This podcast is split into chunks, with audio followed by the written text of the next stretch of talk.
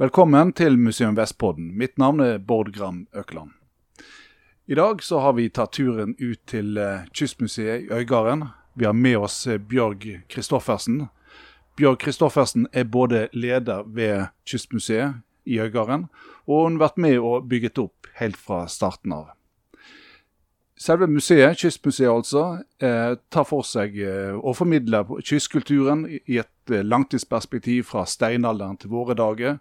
Det er, utstilling som, det er utstillinger som handler om ja, livet ved havet, hvordan eh, livet ved havet har vært og fremdeles er her ute med kysten. Utstillingene handler bl.a. om naturressurser, om eh, energi, om eh, fiske, jordbruk til olje og gass og heimefiske, havbruk og motorhistorie. Men akkurat nå så er vi ikke inne på museet. Vi eh, er kommet eh, i en eh, stor lavvo, og i midten her så er det et ildsted. Og vi er på en måte på det som er første stoppet på en vandring i nærmiljøet til Kystmuseet. Og Bjørg, hva, hva sted er dette her? Vi, vi kaller det for steinalderboplassen. Og det, det ble i grunn til fordi at når vi starta opp museet før det var ferdig bygd, så var det et veldig aktivt utgravning her ute pga. de store industrietableringene. Så var det mange arkeologer i sving med å avdekke det landskapet som skulle komme industrianlegg på.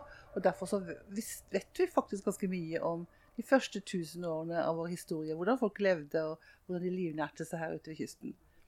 Og når vi da skulle til å bygge opp museet, så tenkte jeg det må være en viktig del av vår formidling.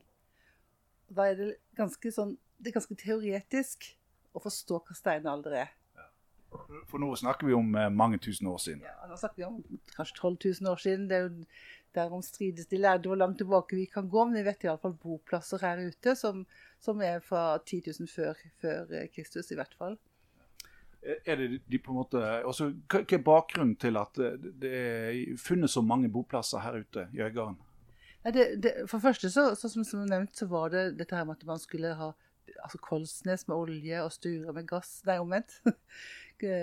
Sture med olje og Kolsnes med gass, selvfølgelig. Og da, da, er man jo pliktig i Norge til å ha arkeologiske undersøkelser av området. Pluss at man bygde en ny vei. Så da har det vært mye, mye arkeologisk sving for å kunne avdekke de områdene. da. Og, når man graver ut en sånn boplass, eh, steinalderboplass, hva, hva finner man der egentlig? Altså, da finner du, Først finner du et, en rydda flate. Du kan se at det her har stått et telt. Eller lavvo, som vi sitter i nå. Så her har det bodd en liten familie i perioder.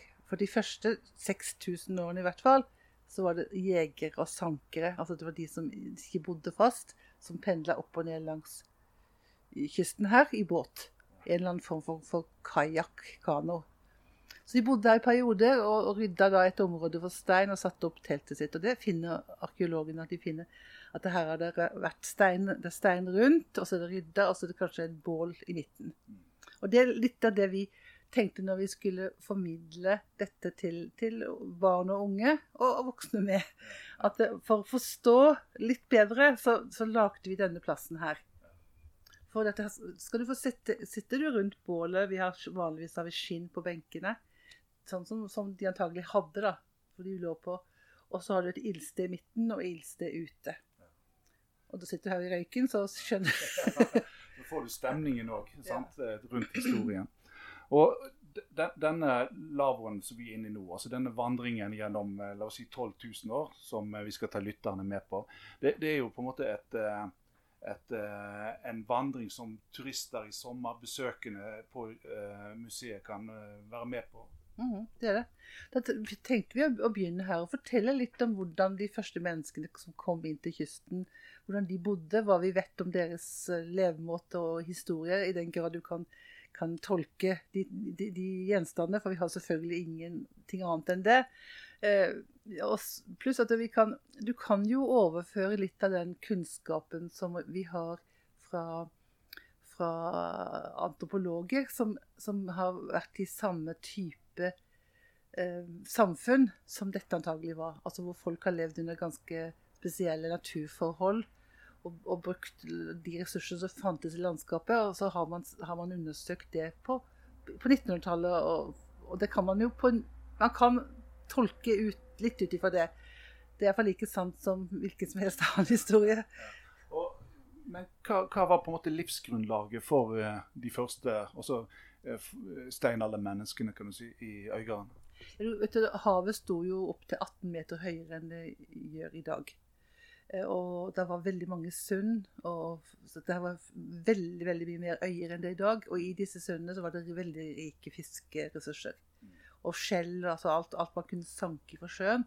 Og det var jo det de overlevde først og fremst. Og så vet vi òg at de første som kom hit, de, de kom, fulgte reinsdyrene. Antagelig så kom de eh, over isen eller sørfra. For vi har spor, vi har funnet reinsdyrbein i Egon. Eh, sånn at det var jegere som jakta på reinsdyr, kom inn her til kysten. Kanskje de dro ut igjen kanskje, og bare var i korte perioder. Det vet vi jo ikke helt sikkert. da. Men i hvert fall så, så, så finner vi spor etter eller ganske mange forskjellige dyr.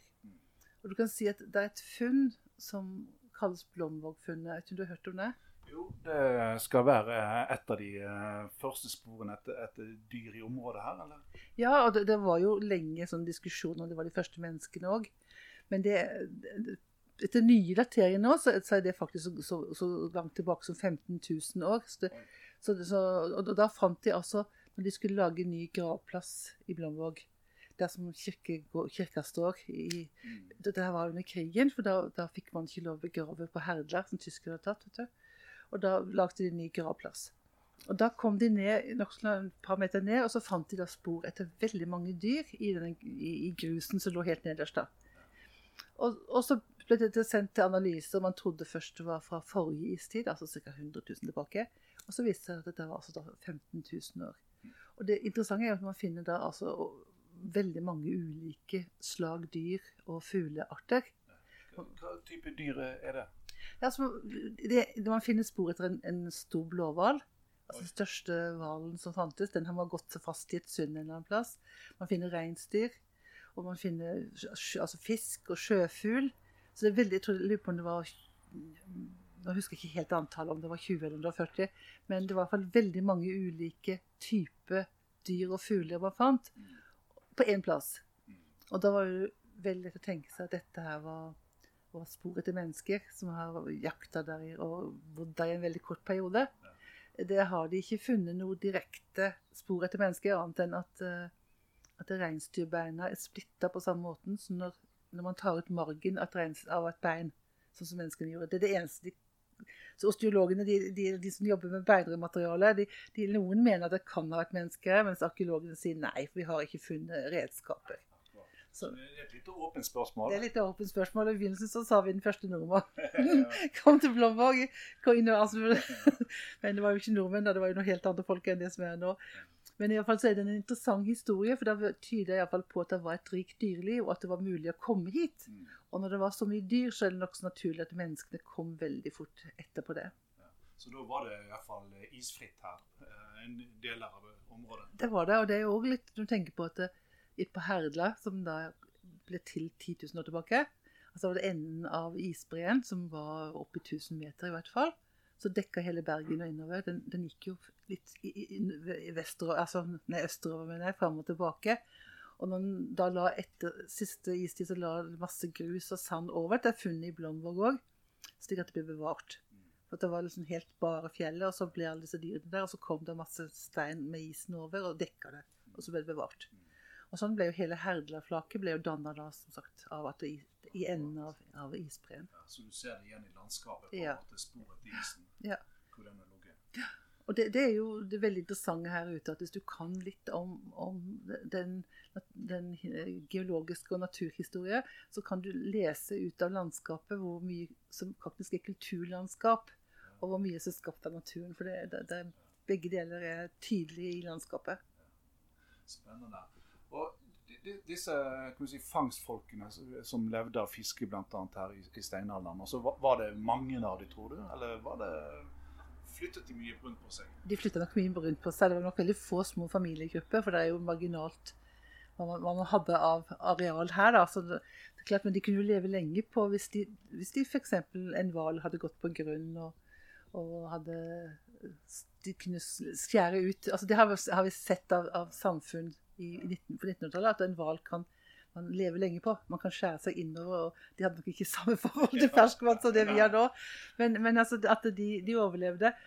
Og, og, og prøver, vi prøver liksom, og, vi, og her inne her så forteller vi om denne historien og har med oss redskaper som er kopier, da, så de ungene får lov å ta på og se på. Og pil og bue. De får skyte med pil og bue her borte. Sånn at det er liksom måten fangstfolkene skaffa seg med, med, med sånn, sånn, så, Hvordan de skaffa seg mat, og hvordan de tilberedte skinnene sine med skrapere. Og, og, hvordan de kokte maten sin. Det har vi rett utenfor teltet her, eller lavvoen her. Så har vi Hvordan gjorde de det? Jo, da lagt, gravde de en grop ned i bakken. Mhm. Oppi der så la de noe vi kaller for kokestein, altså runde, fine stein. Og så lagde de kanskje stein rundt òg, og så fyrte de et bål så steinene ble rødglødende og varme og gode. Og når de hadde brent ned all den veden, eller hva de hadde å brenne, så la de fisken oppi der, og så la de tørre oppå. Og da ble den stekt som en bakeovn inni der. Hvor lang tid vil det ta å koke en fisk? Veldig fort. Det går veldig fort med fisk. Altså, vi har prøvd på lammesteike. Det tar litt mer tid. Men ikke så veldig mye mer tid enn en og en halv time eller noe sånt tror vi brukte. Så det kommer på stolene selvfølgelig. Men, men det går ganske fort, altså. Og det, det er veldig godt. Så det var en fin måte å så varme på. De varmte jo òg opp stein, så de hadde kokende stein oppi vann. Så en skinnpose med vann, så kunne du hive en kokende stein oppi, og så ville vannet bli veldig varmt.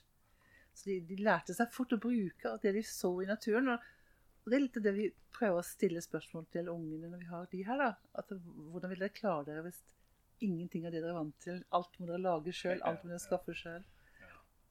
Ja, det er et veldig fremmed eh, samfunn på mange måter, som du beskriver. Og, og jeg går ut fra at eh, her ute i Øygarden med, det, er jo, det er jo mange holmer og skjær og, i dag, men det, som du sier, det var kanskje enda flere før. Og båten må jo ha vært viktig her ute. Ja, det er klart at det, var, det har vært helt livsgrunnlaget, livsgrunnlag. At man kunne jo ikke komme noen vei hvis man ikke hadde båt. Og det er jo litt nærliggende å tenke seg å gå til Grønland og se på inuittene. Hvordan, hvordan lager de seg båt? Litt samme, iallfall den tidligste tiden her ute. Det var, hvor isen lå rett innenfor. Da, har de, da har de jo, bruker de jo skinn, og så bruker de spiler av hvalbein. Eller, eller det kunne være kvister også, selvfølgelig. Så de lager seg sånne nærmest sånn, og så- syr de skinnet. Og derfor så sier vi jo faktisk i dag å saume en båt. Altså, vi spikrer ikke en båt, vi saumer den, syr. Syr Ja, fremdeles. Etter, etter det, hvordan de gjorde det langt, langt tilbake. ja, det er fascinerende. Så har de jo hogd ut tømmerstokker, men det har jo vært helt sikkert seinere, for det var jo ikke trær her i starten etter at istiden var såpass nær og så hadde skrapt alt rent. Så det kom nok seinere. Så det er nokså sannsynlig at det var et skinnbåt. Vi skal ta og vandre videre i uh, disse 12 000 årene. Ja. Uh, og hvor, uh, hvor fører du oss videre nå? Jo, etter at vi nå har vært i både yngre og eldre steinalder, for vi bruker begge de to periodene, til, for, når, for når jordbruket ble innført i yngre steinalder, så fikk jo det store konsekvenser for landskapet, og man da fikk sau, og man fikk byggkorn. Så vi viser jo barna her hvordan de maler korn på, på steiner og sånn. Så går vi over da i, i jernalderen. Da må jeg bare spørre, sånn cirka når på en måte kom jordbruket her ute? Det er ca. 4000-5000 år før Kristus, regner vi med. Da ser vi i jordsmonnet at da ble skogen brent ned. Du kan ta et sånt snitt i landskapet, altså jord, jordsmo- jordsmonnet, og så ser du at det er et bredt kullag nederst. Da har man svidd ned store mengder av skog, eller hogd ned. Og så får man jevnlige svinger sånn fram til i dag, hvor de svir lyngen for beite til da sauer. Og det er jo en veldig interessant ting som vi kan kanskje snakke litt mer om i forhold til, til jernalder, nettopp det med sauehold. Så hvis vi går over i smia og ser på litt uh, hvordan man lagde seg jern, så kan vi si litt mer om det da. Ja, men Da må du vise vei. Vi får låse opp her. I morgen så har vi aktiviteter her inne. Så da er smia i gang. Ja, her kommer vi inn i uh, smia, og oi, oi, oi. Her er et uh, grindbygd hus. Og det Ja. Ja, fortell. Ja, nei, vi hadde, For lenge siden så var det et kurs i grindbygging som vi overtok. Og som vi hadde litt forskjellige ting. Og så fikk vi ganske mye gjenstander knytta til smiing. Og så fant vi ut at vi bygger ei smie. Så det her er da et resultat av det. Hvor Håkon Aase har murt opp en fantastisk flott grue eller smie for, oss. Og vi har en gammel esse som som, er restaurert. Så at det, her, kan, her har vi da forskjellige aktiviteter både mot unge og, og kurs for voksne. Ja. Og her er, det, her er det flere ambolter, og det er arbeidsbenk og ja, som du sier, en oppmurt ovn. Eller, ja, eller gruer, ser det ut som. Da, men det, det er der man, der man, fyrer opp for å få glødende jern, og så banker man det på de tre, tre amboltene som ja. står her. Og det, og det gjør små barn. Skal jeg vise deg her sånn? For det, det, det, det, er noe med å Jeg har veldig tro på at man ved å gjøre ting, forstår ting på en helt annen måte. Så her lager ungen seg en klepp. Disse her. her. Dette her er sånn som barna de får en streng, så, eller voksne kan også gjøre. Og så banker de den rødgløden, og så banker den til. Og så fester de den på den her. Da har de med seg en fiskeklepp hjem. Vi har sånne dager. Ikke verst. Men, men når vi snakker om smia og historisk sett og jernalder, så var jo jernalderen en veldig viktig endring i, i vår historie. Den førte jo til at man kunne få mye bedre redskaper, og ikke minst våpen. Så, og når, når, begynner sånn cirka jernalderen? Altså, Jernalderen er ca. 500 før Kristus, og fram til da så var det bronsealderen. Der fins det nesten ingenting i, i, her ute i, på kysten etter den tiden der. Veldig lite. Så hvis vi går til jernalder, så begynner funnene å bli atskillig større. Og da tok de jo myrmalm. De tok malm fra myrene og utvant er det gjerne også mye malmforekomster her i Øygarden? De har funnet veldig lite spor etter, men de har funnet lite grann. Så det har vært noen myrer som har vært malmholdige. Da. Men det har jo vært eksport, altså handel med det. Så det som jeg syns er, er, veldig interessant, er at du får jo oppblomstringen av disse høvdingsetene mm. i, i, i, norsk historie, og ikke minst i Bergen og på Herdla. og og for at de skulle kunne reise ut og gjøre de erobringene som de gjorde, så måtte de jo ha jern. De måtte ha gode kniver. Her ser du sånn som vi her kan sni her, en, en, en, vikingkniv. Som var, som var laget seg jo Vi vet jo at de har veldig mye redskaper for våpen på den tiden. Men, men en litt mer sånn En litt mer fredelig ting som jeg syns er veldig spennende, og hvorvidt det er etablert historie, men det er iallfall teorier som mener at det kan stemme på at, at uh, bosetningen her ute på kysten den, den, hang litt sammen med at du hadde disse storgårdene, høvdinggårdene inne i Alrek og på steder. Ja, så de styrte på, hadde på en måte makt og kontroll her ute? Ja, de sendte, de sendte antagelig så sendte de ut treller hit ut altså slaver. Vi snakker veldig sjelden om slaver i norsk historie, men det er klart at vikingene tok jo slaver. Og, det, og for, å kunne seile ut med sine båter altså Vi får jo seil i, i jernalder, så ble jo seilene viktige. Store seilskuter, eller seil, ikke skuter, men seil, seilbåter. Og, og, med stort råseil. Og det var lagd av ull. Og for å kunne lage et sånt svært seil, så krevdes det mange hundre sauer. Og det er klart at Folk som bodde her ute, hadde ikke kapital eller, eller, hadde ikke øh, folk nok til å kunne håndtere så mye sau og produsere så mye seil som, som skulle til. da. Sånn at det, det, det er iallfall noe som jeg synes høres veldig sannsynlig ut. At det da ble det satt ut treler her ute som drev med, med, med, med sauehold. Og som henger sammen med at skogen forsvant ytterligere. Og så ble all den ulla det, Jeg har det oppskrevet, husker jeg ikke i hodet mitt akkurat hvor, hvor mye mange kilos og mange sauer. Det var jo veldig mye som skulle til for ett seil.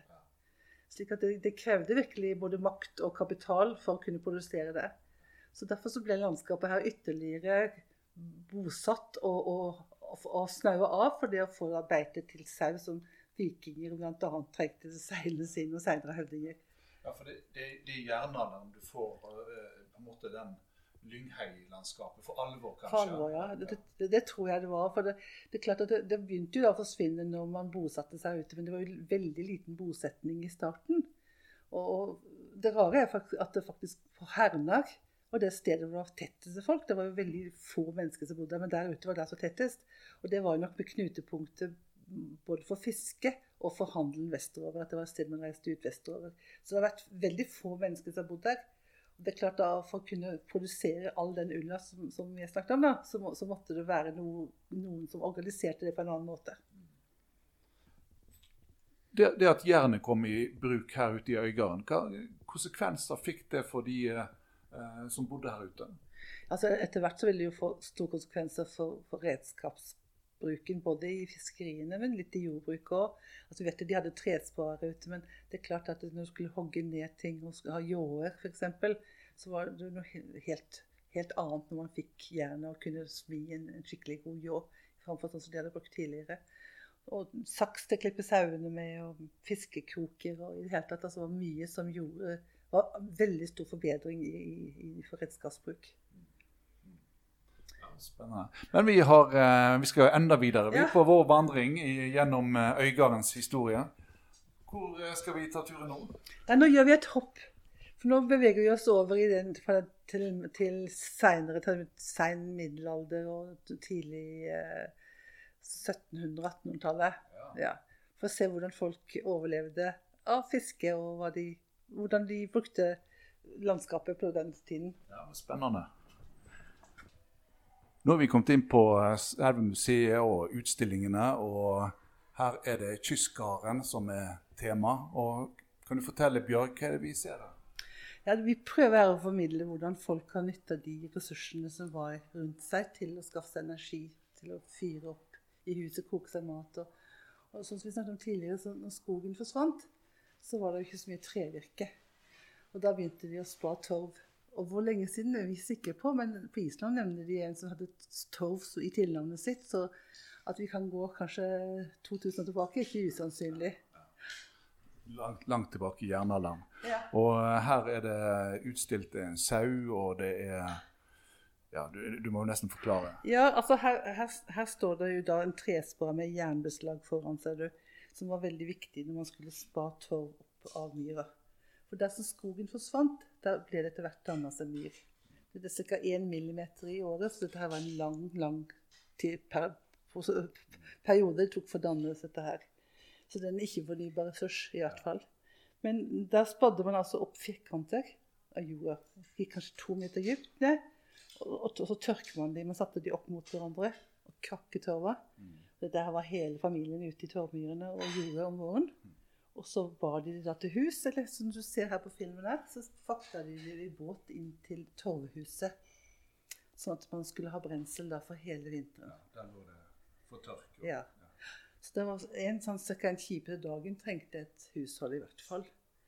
Og på den måten så endrer man jo landskapet her ute. Så det, må- det folk tror er et forblåst landskap som naturen har skapt sjøl gjennom vær og vind, det er faktisk menneskene som har allerede for så langt tilbake spadd opp. Og, og hvor langt opp i mo- moderne tid drev de med torvskjæring og 50-tallet. 50-tallet? Ja. Det var en som, eh, som jeg har lest sitat fra. Han kjøpte seg ikke elektrisk ovn. Han hadde ikke noe tro på at det der kom til å virke på 50-tallet. Men det ble forbudt da, ja, i Norge, for det var jo en veldig øding av res- naturressursene å brenne så mye. Og det er ikke bra for, for, natur, altså for forurensning i luften heller. Du kan se den svarte tåa som ligger der inne, det kalles for køltorv. Ja, jeg skulle til å si det. Det ligner litt på kull. Ja, og det har samme brennverdien som den dårligste kullet. Altså den beste torva og det dårligste kullet, det brenner med like mye varme omtrent. Og den har henta jeg på Kolsnes, der som, der som ja, gassanlegget ligger. Ja. I, når jeg begynte her ute, så var jeg inne i et gammelt torvhus, og der lå det gammel torv.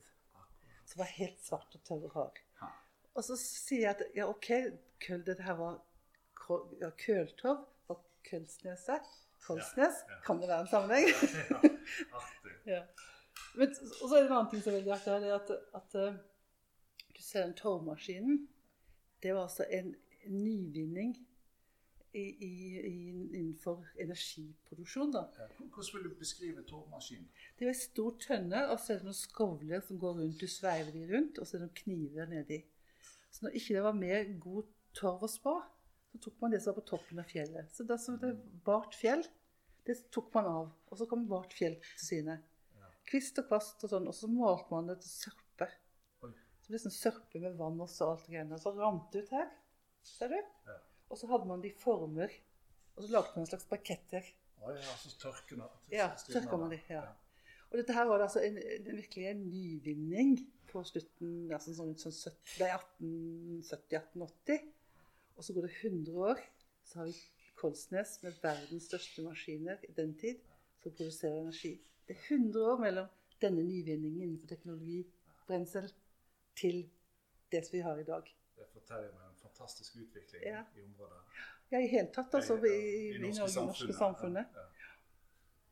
Fascinerende. Dette du også som, som de var avhengig av å skjære ut her. Nå ser du selve, selve bladet er, er jern, og så er det treskaft som, som er produsert på gården. Så disse redskapene er produsert til deg sjøl. Og som en liten anekdote så kan du jo faktisk gjøre eh, av og til arkeologiske funn når du eh, skjærer i torven. Det kan du helt sikkert gjøre. Da finner du jo redskaper og til og med steinalderfunn. Ja. Og til og med et vikingskip funnet Ja, i, i, ikke så langt unna her. Selvfølgelig, det må vi jo nevne, for det er jo, for det er jo helt kjempespennende på Ormhilderen. Ja. Det er et skip som bl.a. Sjøfartsmuseet har mastefisken, der som master var satt fast. Ja. Nå tenker jeg kanskje Sjøfartsmuseet skulle levere det tilbake. Nei, men, nei, men det, det Ja, ja, det kan du si. Men, eh, men det er iallfall mange, mange funn du kan gjøre. Ja. Ja, men det, bare det funnet der og historien knytta til, til det funnet er jo kjempespennende. Tror det? er? Ja, ja, ja, men det er bra.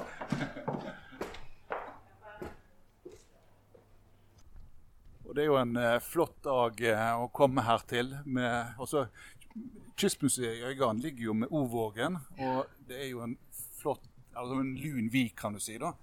Og det er jo mange museumsbygg her. Vi har 14 bygg til sammen, og så har vi, har vi vel 35 båter. Så i dag så har vi sommerskole. Nå er de ute og setter teiner her ute. Ja. Ser du båten som ror der ute? Ja. Så har vi tolv barn da, som er på sommerskole. Som, som bruker arealene her rundt museet. Ja, for Det er jo eh, idyllen her med Viken og de gamle buene. Det skal vi få snakke litt mer om. Nå har vi passert de to naustene som ligger her. Og den ene er en utstilling om, om heimefiske, altså hvordan man nytter nærområdene. Og her leverte de jo inn til Bergen. Altså De har jo hatt Bergen som sitt, sitt uh, nærmiljø, og kunne ro og seile inn dit med fangsten. Akkurat, så helt, helt fra altså når Bergen ble grunnlagt og etablert utover på 1000-1100-tallet, så har på en måte folk her ute blitt knytta mot byen. Ja. Og det ser, jo, det ser vi jo på, på, på forskjellige ting, da, hvordan, hvordan det har påvirka bl.a. det med, med, med klesdrakt og, og Det er forskjellige ting da, som, som har vært Det har vært en dialog helt tydelig at det har vært påvirkning. Og Striden har jo vært kjent i Bergens bybilde i veldig mange år. Det vet vi jo mye om for litteraturen. Du kunne på en måte se det på drakten når de kom inn til byen. Ja, det kunne du, men det morsomme er jo at, at den drakten som kom her ute, det var jo, den var jo en, en bydrakt i Europa, og så kom til Bergen, og så tok de den i bruk her. Og så hadde de kvinnene, f.eks., de hadde da samme drakttradisjonen i 400 år uten at vi skifta.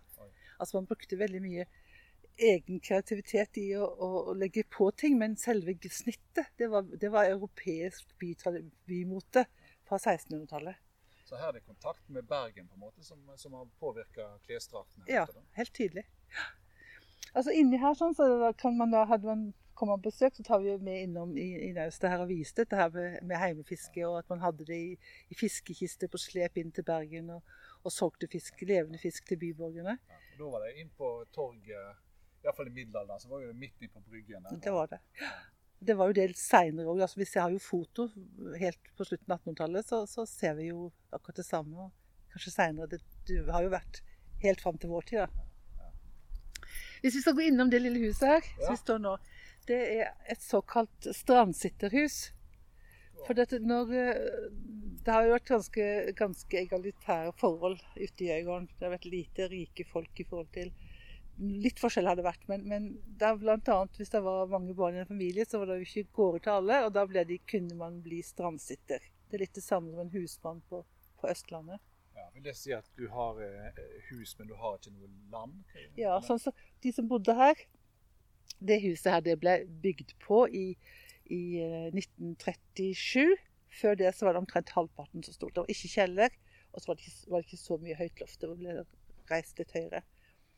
Det ble satt opp, og de eide da huset, men de eide ingen grunn. De hadde ikke naust, de hadde kun rettigheter til å legge båt, altså færingen sin. Og så overlevde man bare med å fiske eller å ta småjobber der man kunne. Og så bytta man fisk mot poteter innover fjorden, og så hadde man slektninger som kanskje kunne bidra med noe Man fikk lov å ha sauen på deres område, og man kunne få lov å spa torv. Det var rettigheter som man hadde i utmarka, som man delte på. Det var liksom at Man hadde teiger som var til de enkelte gårdene, men så hadde man utmarka som, som felles. da.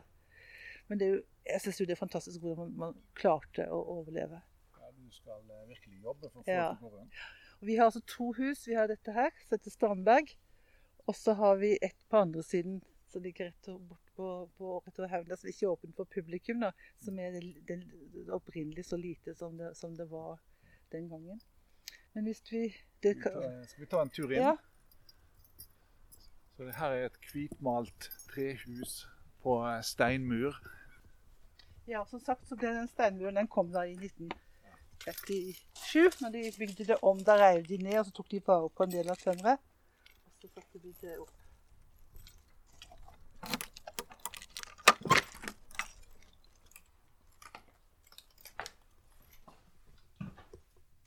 Nå kommer du inn i det som var veldig typisk for området, disse lemstovene. Da kunne det være slik at det var sånn som det var her opprinnelig, så var det ei stove, altså ei stue, og så var det en liten trang gang, og så var det en trapp bratt rett opp. Ja. Og da kan du tenke deg dette huset her, så bodde det da før 1937, altså så vokste opp en familie her med ti barn. Det har vært, eh, du, eh, det har vært folksomt, skulle til å si. Det har vært, det har vært litt trangt. Og det, mest, det fantastiske jo at i tillegg så var det en slektning som, som ble syk med en gang fått et lite barn. Og så tok de kommuneskuffen og gikk opp og hentet det nyfødte, og så var de elleve. Ja. Så det er rausheten. Ja. Og så fortelles og hjalp Ja. altså. Ja, absolutt, altså. Det har vi en liten film om som vi viser da på denne runden så, som vi tar nå. Så vanligvis da har vi den lille filmen som intervjuer han ene sønnen som overtok det huset, som vokste opp i dette huset her. Som forteller om hvordan det var å leve i dette lille huset for på 20-tallet. Så Så Når fikk du se dette bygget? da? Altså, Hvor, hvor lenge har det vært Når, når, når var det på en måte privateid? 1980. 1980? Ja, og i begynnelsen av museet Vi, vi begynte her i 93, og da hun museet sto ferdig i 96. Da var det fremdeles i privat eie. Så etter noen år så gikk vi i forhandlinger med eier om å kjøpe huset. Og, og da måtte vi kjøpe grunnen av noen andre, for det var noen andre som eide. Så det var kun huset. Og da var det grunneierne som hadde førsteretten til å kjøpe det, men vi fikk det kjøpehuset og har brukt mye ressurser på å sette det i stand. Sånn at eh, for å kunne bruke det til Det er det vi trenger, trenger bruken til. da. Så her, her er jo koselig å sitte og Ja, for her er bord og stoler, og det er et lite sybord her med en uh, Singer symaskin. ja.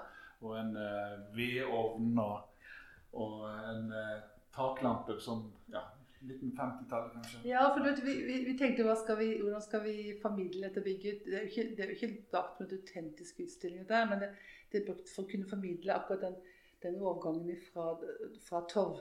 Man fremdeles har litt torv, men i 53 så får de strøm. Jula 53 tror jeg det var her. Hvordan var det, var det tidlig eh, her ute? Det var tidlig her ute, men det var, de fikk omkring den tida de fikk strøm her ute. da. Men ellers i landet så var det jo mange steder hvor de fikk på 20-30-tallet. Så, så dette her var jo Det var også seint på mange måter. så var det jo sent da. Så derfor så har vi lagt inn, inn strøm, men prøvde da å montere opp apparatur som, som for inn svarte ledninger. den nye, så er det, litt for å, for å kunne spille på hvordan det ville her sett ut i 1954 når man nettopp har fått strøm. Og så kan man si det at nå, nå, det var så dårlig i begynnelsen da vippa strømmen, så nå har strømmen gått. Og så OK, hva gjør vi da? Da må vi til med torvfyring. Og, og i, litt sånn, I familiesammenheng så kan det fungere fint, tenker vi. Så energien var en begge deler Ja. i overgangen? Ja. Så når de bygde opp her da, i 37, så, så bodde det altså i dette huset her besteforeldre og foreldre og tre barn. Da hadde de altså ei stue på hver side, et bitte lite kjøkken, og så et, et soverom til familien og et soverom til besteforeldrene. Så det, også med tanke på liksom eiendomsforhold og, og, og, så, og Thea, som bodde her, hun var veldig flink å sy. Og det forteller sønnen om Thea, som, som sydde og spant og gjorde alle ting for at familien skulle ha det de trengte. Så jeg, jeg synes det er en, fantastisk nærhistorie som, som viser kontrasten til hvordan vi har det i dag. Samtidig så er det ikke vanskelig å trekke trådene lenger bakover òg. Du kan liksom fortelle hvordan var det på 1700-1800-tallet. For det var litt det samme hvis du tar vekk de, det, det som nevnte med nye, nye strømmer. Ja, ja. Her har vi kjøkkenet. Oi. Ja, det, Litt seriøst, så kommer litt sånn tilbake i tid, må jeg si. Altså, når er det 1960-tallet? eller noe ja, det er sånn 50-60. Ja, ja. Så da hadde jeg lest på og sånn. Så det er litt den der type tida der. Ja. Så. Men som sagt så, så, så er det, dette, er- dette er ikke en museumsgjenstand i den grad at det ikke skal brukes. Altså vi, vi har lagd det for, for å kunne bruke det. Men, men bruker vi formidling. Det typiske her ute, når du ser både på, på bilder og leser historier, så var det nok små hus med ei stue, og så en liten sånn øh, loft som gikk, taket gikk helt ned. Og sånn som det andre, Nakkestova heter det huset vi har her borte. Det er så lite. Og der vokste opp 16 barn. Og vi har, vi har snakka med de som, som hadde familien der og fortalt om dette her. da. Det bodde jo aldri 16 hjemme samtidig. De var veldig fort ut, måtte ut i tjeneste eller til sjøs eller Og da, da var de kanskje 14-15 år, og så Ja, måtte de reise ut. ja, tidligere òg. Så snart de har konfirmert, i hvert fall. Men av og til så måtte de tidligere i tjeneste til andre. da. Så, så de, og så lå det alle ungene på loftet på halm på gulvet. Oi. Så lå de på, sånn, på ett stort gulv, så der lå natta de. Og så lå foreldrene i uttrekksseng nede med de minste. Så det Det var ikke så mye privatliv. Nei!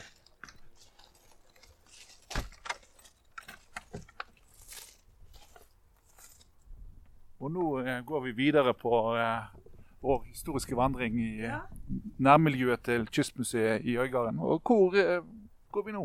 Nå går vi innom den som vi kaller for Saltebua. For nå er vi over på mer moderne fiskerihistorie. Eh, Dette, dette er en bu som da ble flytta hit i 1949, eller 47, eh, fra Alvheim. Og den var da brukt til å ta imot sild. For det er klart, når, når man fikk motorisering av, av fiskebåtene, altså fra færing til store fiskebåter med dekk og, og skikkelig motor sånn på 20-tallet. Så- Og så fikk man jo òg den nye teknologien gjennom at man kunne, hadde radio og ekkolodd og, og kunne ta mye større fangster. Så var de avhengige av å kunne vite hvor man kunne levere.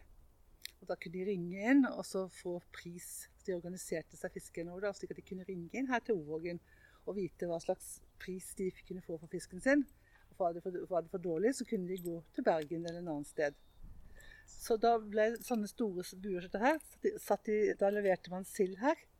Og så var det da mange som var ansatt som drev med sildesalting. Så her var fullt av tønner over hele, hele plassen her foran med, med salta sild som da ble levert. Så her, her, her står jo, hvis du ser her borte, vi har jo, som sagt, har vi jo sikkert mange båter.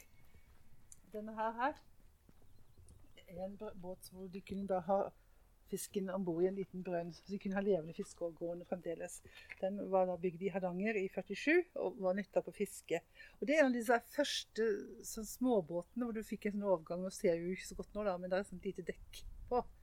Så var, liksom, båten var helt åpen for at det- begynte å ha små dekk på de. Ja, for Nå ligger det en presenning over Ja. båten her, men, men vi ser skroget, da.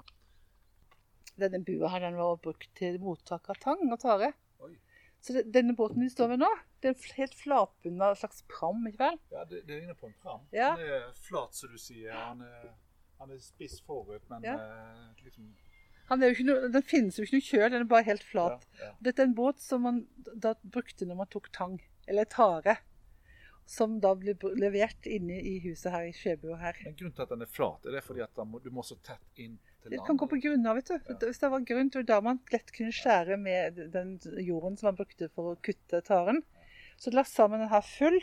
Det var ganske tungt når den var søkklassa. Det gikk helt liksom ned i Og så hadde man den på slep. Og så leverte man det mottaket her. Og det gikk jo da til å utvinne noe som kalles for alginat. Alginat. Som brukes da i iskrem, til medisinsk bruk, og ikke minst til, til, stivelse. Det er veldig, veldig stivt. Som stivere enn gelatin. da.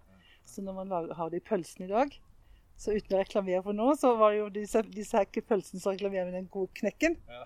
Det er alginatet som gjør at den der spensten og sprekken du hører der, det, det er det som skaper. ja, det, Så da spiser man tang. Ja, så, så tareproduksjon, altså det, det har en lang historie. Ja, da, det, vi har hatt sånne fortellerkvelder på museet annet om dette her. Og da fortalte veldig mange av de som kom hit, at dette var en vanlig blant ungdom. Når man skulle konfirmere seg, så jobba man hele sommeren med å skjære tare for nok penger til konfirmasjonsdress. Så det betalte man sjøl. Så den her fikk vi inn, den fikk vi her fra, fra Hernak. Den har vært Antagelig så er den her bygd fra de som, som tok imot. Og så har de vært sendt ut på 60-tallet, tror jeg altså. Men eh, det er ikke helt sikkert. Men det, det er for spesialbygd, leverte båter for det formålet. Som fabrikkene som tok imot taren.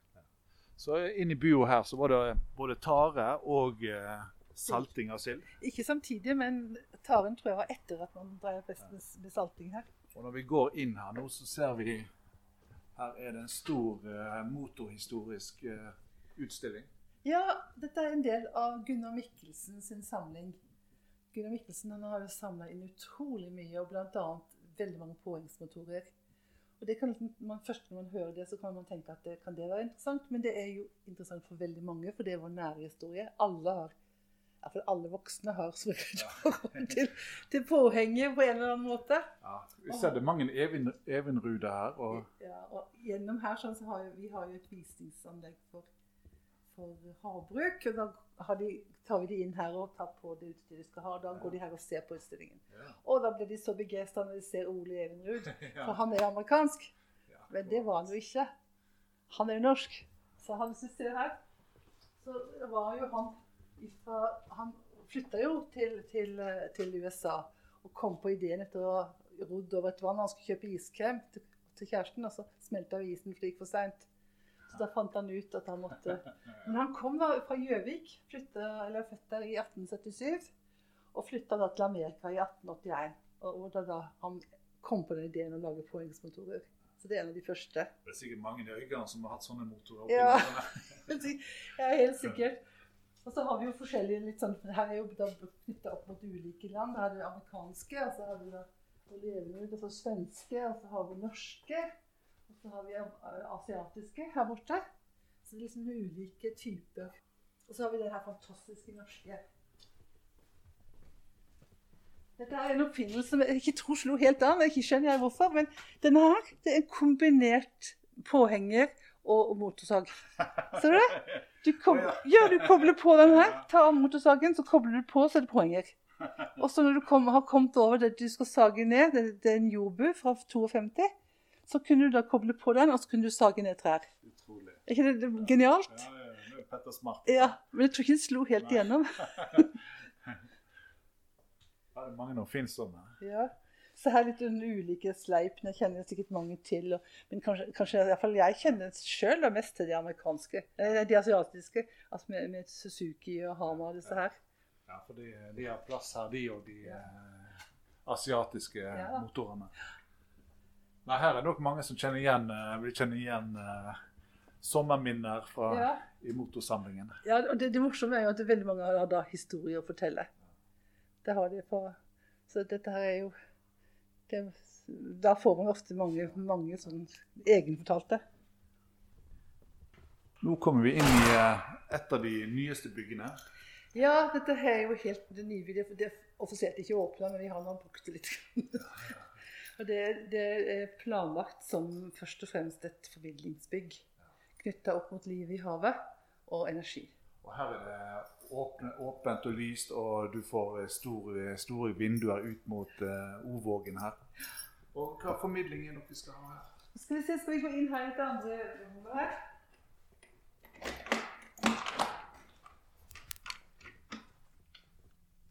Her har vi da etablert en sånn lang arbeidsbenk hvor vi òg har bestilt inn da laboratorieutstyr, altså sånn, sånn, sånn um, mikroskoper. Mm så man kan undersøke det man har vært ute og sanka. Vi har laga flere, vi har vel fire undervisningsopplegg som går på liv i havet.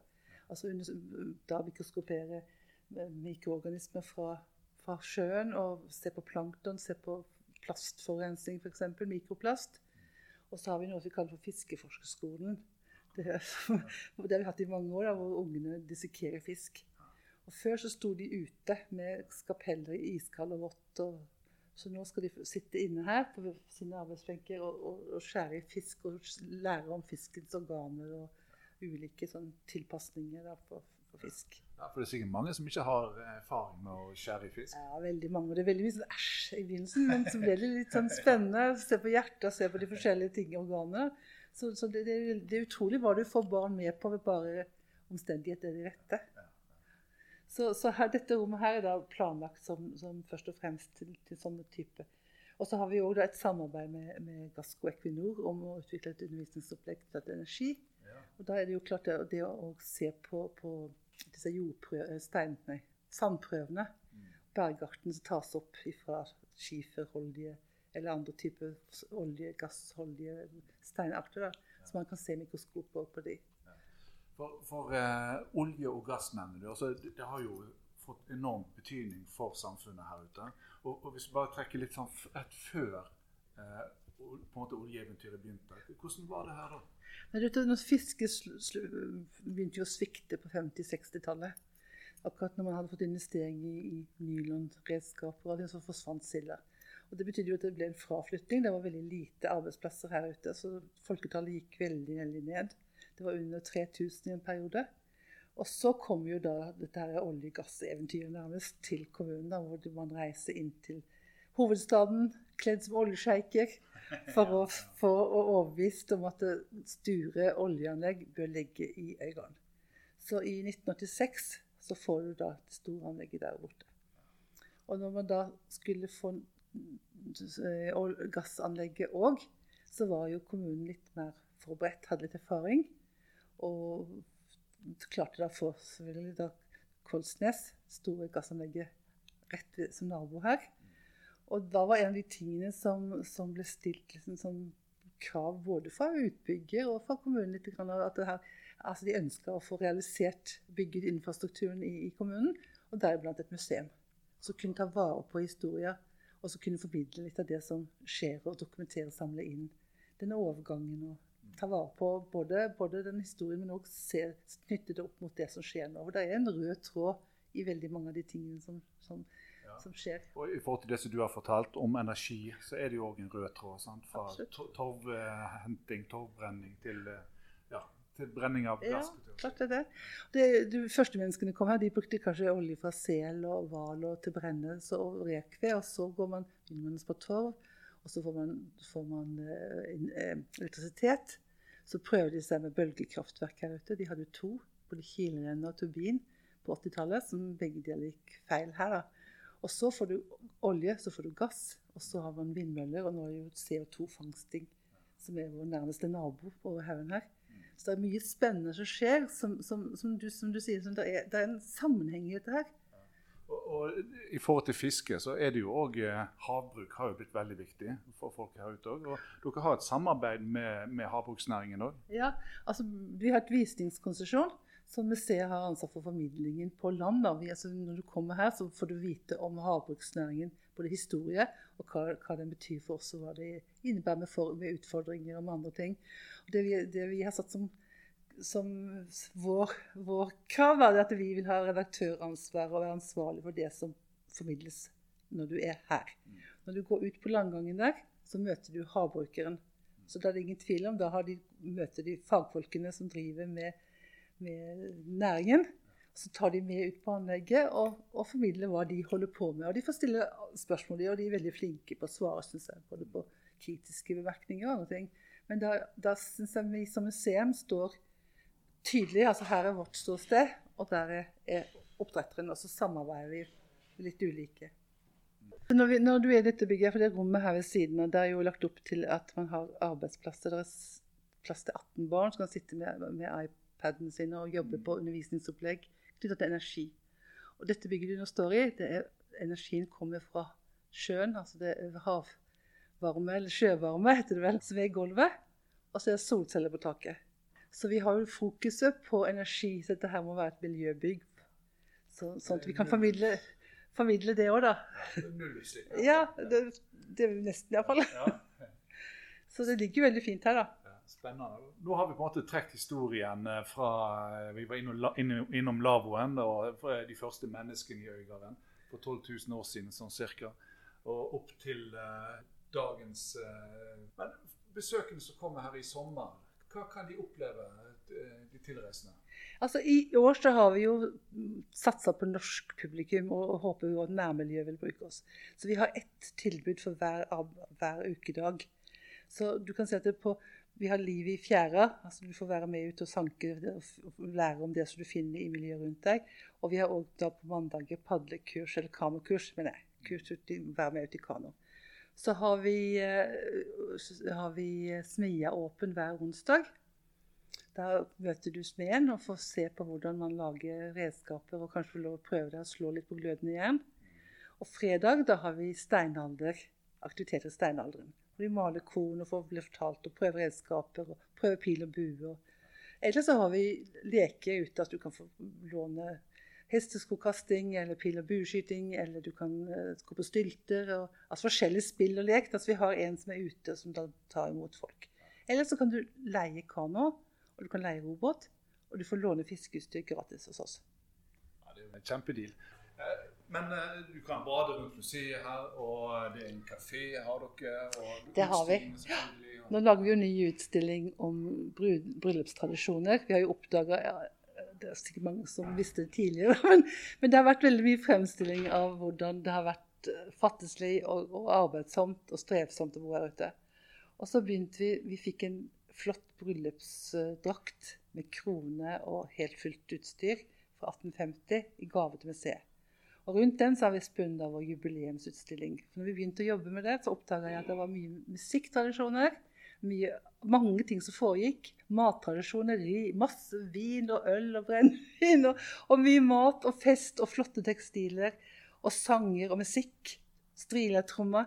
Det, altså, det er helt liksom, det, er en skikkelig tre, fire, fem, seks dager, opptil syv dagers feiring av når folk gifta seg. Så det er sånn veldig kontrasten til den historien som blitt fortalt om strilen og fattigheten her ute. Så det skal vi da åpne på fredag. Så fra søndag av så blir den åpen for publikum. Den må folk få med seg hvis de kommer på besøk her og, i sommer. Og her er det jo bare til å sette av en hel dag, må jeg si. Altså, det er mye som skjer. Fine bademuligheter. Vi har en liten badevik for små, veldig små barn med sand. Og så har vi badetrapp, og du har Ja, det er mange muligheter til å bruke området vårt. Tusen takk til deg, Bjørg Kristoffersen, eh, leder for eh, Kystmuseet i Øygarden. Du som lytter, takk for at du hører på. og eh, Har du lyst til å følge Museum Vest-podden, så finner du oss bl.a. på Spotify og på Museumspodden. På gjensyn.